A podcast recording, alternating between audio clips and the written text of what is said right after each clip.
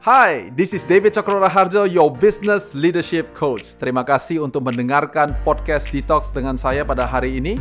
Jangan lupa untuk share Detox ini dengan teman-teman kamu. I hope you enjoy this podcast.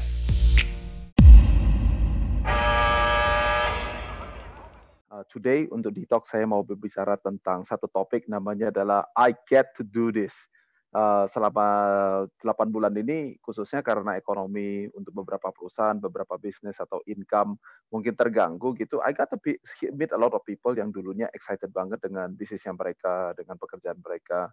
And then selama 8 bulan ini mulai punya ngomongan yang jayanya itu adalah uh, no longer I get to do this, tapi adalah I have to do this. Saya nggak punya pilihan. Hashtagnya adalah no choice, you know, uh, ya udahlah hidup ya kayak begini, nasibnya ya beginilah. Uh, kerja ya kalau boleh sebenarnya nggak kepingin, tapi kemudian I just have to do it gitu ya, I have no choice. So if you think about it, kalau kita punya uh, pandangan tentang kehidupan dan kalau kita menjawabnya adalah because I have to do it, because I have no choice, then it will drain your energy. Dan saya tidak akan heran kalau kemudian di dalam perjalanan kita merasa bahwa segala sesuatu yang negatif, segala sesuatu yang jelek, segala sesuatu yang saya tidak inginkan, itu justru yang terjadi di dalam kehidupan kita. I want to prove it by, you know, karena kita semuanya uh, kebanyakan yang lagi work from home, ya kan, semuanya kita bilang begini, kita bilang adalah, saya berjanji saya nggak mau makan martabak uh, bulan ini. The more you say that I don't want to eat martabak, guess what? The first thing that come into your mind adalah martabak. Ada orang masak apa gitu, baunya baunya padahal gak ada hubungannya sama dengan martabak sama sekali. But the first thing that get into your head adalah apa? Martabak itu sendiri. Itu sebabnya, you know, as you're closing this year, I want to encourage you, I want to empower you, and I also want to challenge each one of you untuk berpikir merubah pola berpikir kita dan merubah apa yang kita katakan.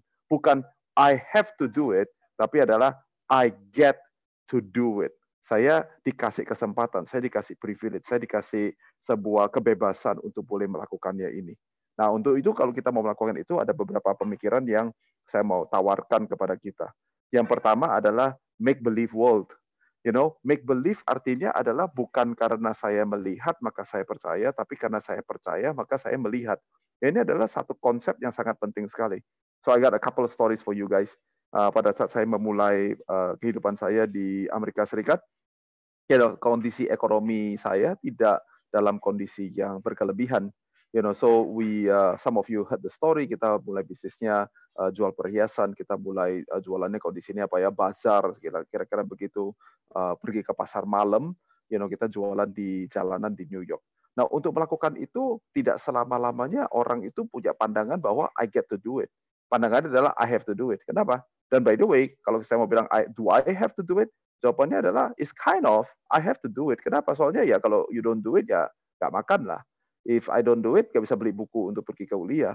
You know, jadi do you have to do it? Jawabannya yes. Tetapi filosofi saya have always been I got to do it. Uh, one of the jobs that is uh, super duper tiring for me yang uh, apa namanya uh, saya ingat banget ceritanya ya adalah kirim koran. You know, jam 4 pagi pergi ke Pier 40 di uh, pelabuhan di New York untuk gulung uh, koran dan kemudian pergi ke beberapa gedung apartemen untuk kirim koran. Gedungnya tinggi dan kemudian uh, apa namanya uh, panjangnya itu dari semuanya lantai 37. 37A bisa sampai 37P. Jadi kalau lift dibuka ada ke kiri, ujung sampai jauh ke belakang, yang kanan juga jauh sampai ke belakang. You know, so uh, a lot of people feel like I have to do it. You know, but tapi filosofi saya adalah I get to do it. Now, how you do it itu berhubungan dengan how you make believe apa yang kita percayai, kita bisa merubah segala sesuatu dimulai dengan imajinasi saya.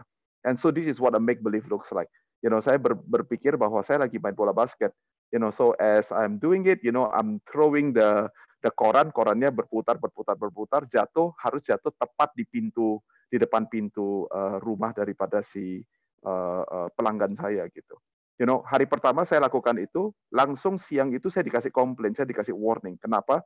Karena buat saya adalah kan saya lempar, ya pokoknya harus sampai di depan pintu.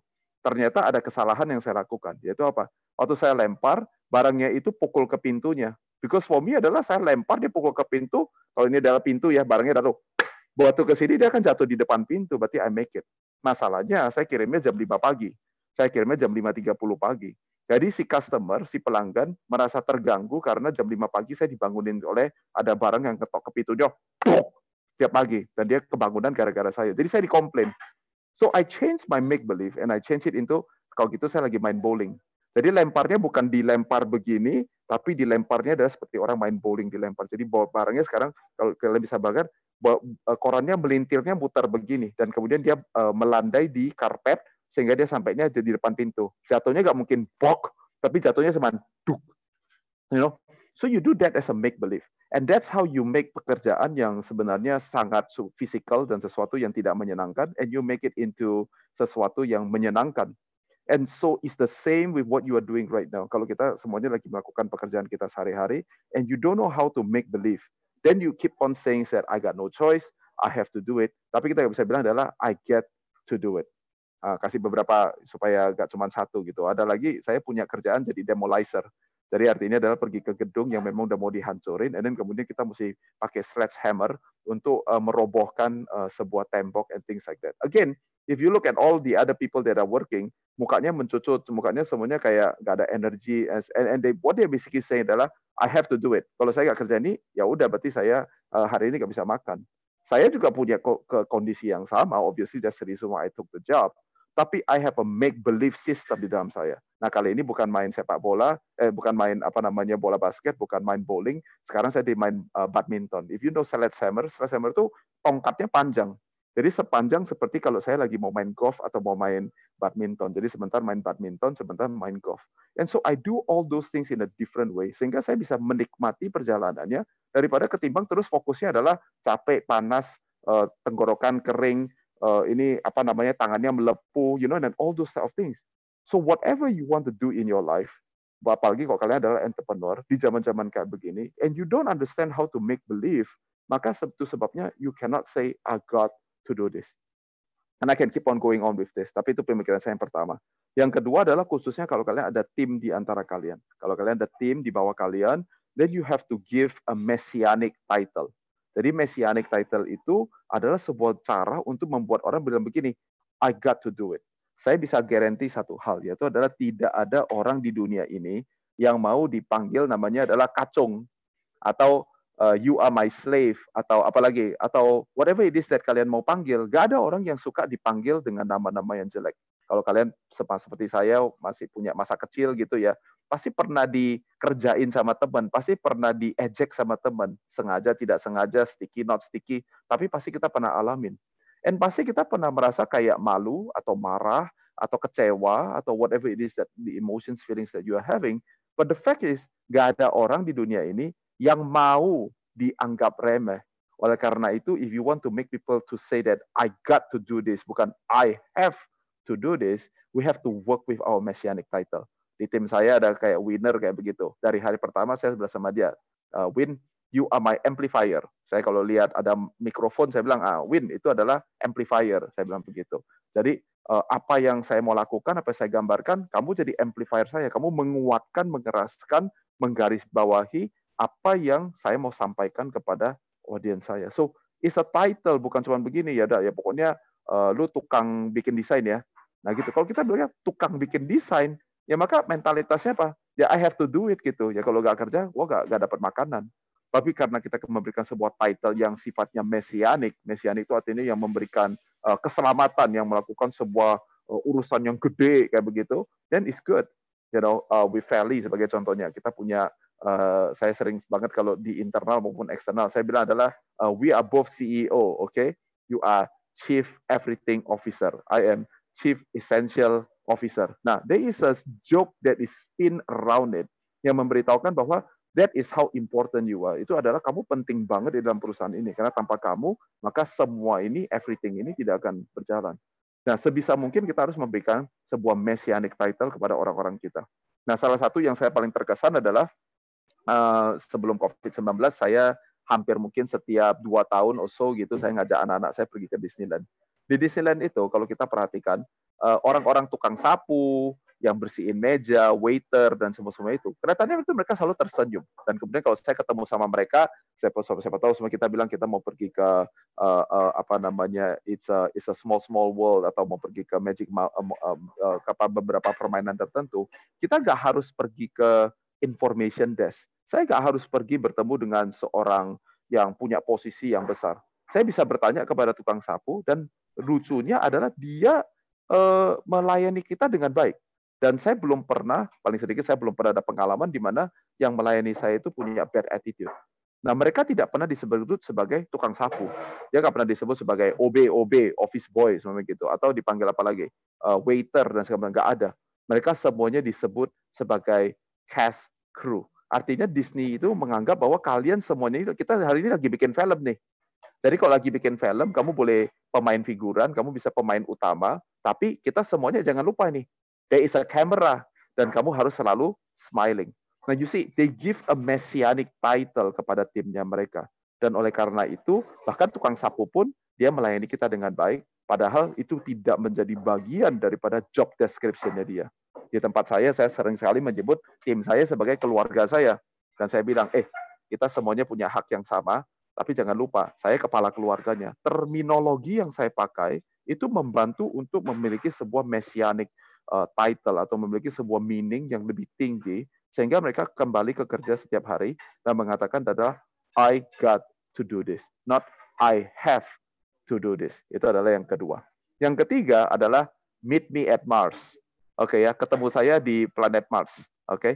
meet me at Mars. And meet me at Mars simply means that bagaimana cara kita uh, berpakaian, uh, apa namanya, bagaimana kita mendekorasi meja kita, apa yang kita uh, ucapkan itu semuanya matters kayak begitu. Nah, uh, kalian sudah ketemu saya udah sering banget selama 8 bulan ini. Jadi selama satu bulan belakang ini saya memutuskan untuk uh, me me memanjangkan kumis dan janggut dan brewokannya saya gitu. Kenapa? Because meet me at Mars uh, punya sesuatu yang lebih membuat orang apa namanya tertarik dengan keberadaan kita, ya kan? uh, you have uh, seen this a lot of times. Sebenarnya, sebenarnya kalau saya bicara dan saya bilangnya adalah selamat siang, uh, baik-baik uh, semuanya, mudah-mudahan. Kalau saya ngomongnya dengan cara demikian, I'm not asking you to meet me at Mars. I'm asking you to meet me uh, uh, in a regular webinar. Orang bilang, ya itu kalau kayak begitu, apa bedanya sama orang lain? Jadi harus ada energi yang keluar. Some of the things yang mudah-mudahan membantu kalian sebagai contohnya. Kalau kalian mau supaya mengatakan I got to do this, ya kan sebisa mungkin kita perlu equip timnya kita. Jangan cuma bilang begini, kerja dari rumah ya, tapi kerja dari rumah tapi dia nggak disediain meja, dia nggak disediain tempat. Uh, paling sedikit kalau semuanya yang paling kalau kita semua bilang budget saya nggak punya masalahnya fit. Oke, okay, maybe something yang kita bisa lakukan dan kita berkata begini, apa yang bisa bantu untuk bisa membantu uh, supaya ruangan itu lebih uh, uh, representable. Bukan cuma sekedar ya pokoknya di mana aja boleh. Nah, seperti demikian. Jadi kita harus memberikan paling sedikit komentar atau memberikan ide bagaimana cara melakukan. Nah, kalau kita punya uang lebih, maka kita bisa bantu mereka untuk set up dengan baik. Zaman-zaman sekarang ada banyak sekali green screen itu literally uang 100 ribu ada uang kembaliannya. Mungkin cuma uang 50 ribu pun sudah sudah bisa beli. Nah dengan demikian kita bisa uh, minta orang untuk bikin kita uh, background virtual background yang bagus, yang sesuai, bukan yang uh, kelihatannya udah baru dilihat udah langsung ketahuan itu udah pasti virtual background. Nah itu kayak begitu. So meet me at Mars have something to do dengan image yang kita mau berikan. You know, kalau semuanya kalian dari dalam ruangan gitu, ini some of the words that I've ever seen supaya you know kalian bisa jadi orang-orang yang semuanya bisa mengatakan I got to do this gitu. Yaitu adalah jangan membelakangi pintu. Karena kenapa membelakangi pintu? Saya ada beberapa kejadian yang di mana uh, uh, mohon maaf itu literally ada anaknya uh, tiba-tiba buka pintu masuk gitu dia baru mandi karena pintunya pintu kamar mandi jadi waktu keluar saya melihat anak kecil you know walaupun anak kecil tapi itu mengganggu image-nya sehingga you are not asking me to meet you at Mars dan karena I'm not meeting you at Mars I meet you in planet Earth, you know. Jadi gak ada sesuatu yang keren, gak ada sesuatu. Alasan kenapa banyak orang bilang Zoom fatigue adalah karena mereka tidak investasi di elemen yang ketiga ini. And kalau kita lakukan itu terus menerus, you are not making people want to do this. Mereka bilangnya adalah I have to do it, not because I got to do it. Oke, okay? jadi tiga hal. Yang pertama yaitu adalah make believe. Yang kedua adalah messianic title. Dan yang ketiga adalah meet me at Mars. My plus one for you today yaitu adalah small wins. khususnya as we are doing this recording dan konteksnya ini adalah dalam konteks uh, menjalani satu season yang di mana ada sebuah disease namanya uh, coronavirus disease ini, kita perlu celebrate small wins. Karena kenapa? Karena kalau kita bisa di kantor, kita paling sedikit masih ketemuan, kita masih bisa bilang, wow bro, keren banget. You know, we can do all of those type of things. Kita bisa salaman. Kalau laki-laki ketemu sama saya, we have chest bump. You know, kita punya handshake. You know, you know all those type of things. But right now we don't have. Dan begitu webinar hidup, begitu Zoom-nya hidup, Hangout-nya hidup, uh, WhatsApp call-nya hidup, the first thing that we have in our head zaman-zaman sekarang ini, immediately adalah we go through dengan pekerjaan, task list, you know, and all those type of things. But we forget to celebrate small wins. So celebrate small wins. Belajar untuk hidup dengan proses dan progres proses bercerita tentang kesulitan-kesulitan, challenge yang masih harus dijalankan, pekerjaan-pekerjaan checklist yang masih harus dijalankan untuk mencapai tujuan kita. Tapi progres artinya kita sudah berjalan satu langkah atau satu kilometer lebih baik daripada sejak terakhir kali kita ketemu. Belajarlah to celebrate those small wins. If you learn to celebrate those small wins, ini akan mengakibatkan your crew and including yourself mulai bisa berkata adalah I got to do this, not I have to do it. So I hope this is uh, useful uh, for you yang uh, sedang mungkin lagi stres atau sedang merasa adalah energinya lagi drain. This is how you fill up the energy in your organization, in your team. And uh, I hope is useful. Thank you for listening to Detox with David Chokro Raharjo. Please share this podcast to all social media that you have. Kalau kamu mau tahu lebih banyak tentang Coach Diti, kamu bisa cek description box dari Detox ini atau go to our website di www.davidcokroraharjo.com. Dan jangan lupa untuk follow Instagram Coach Diti di @dtjokron.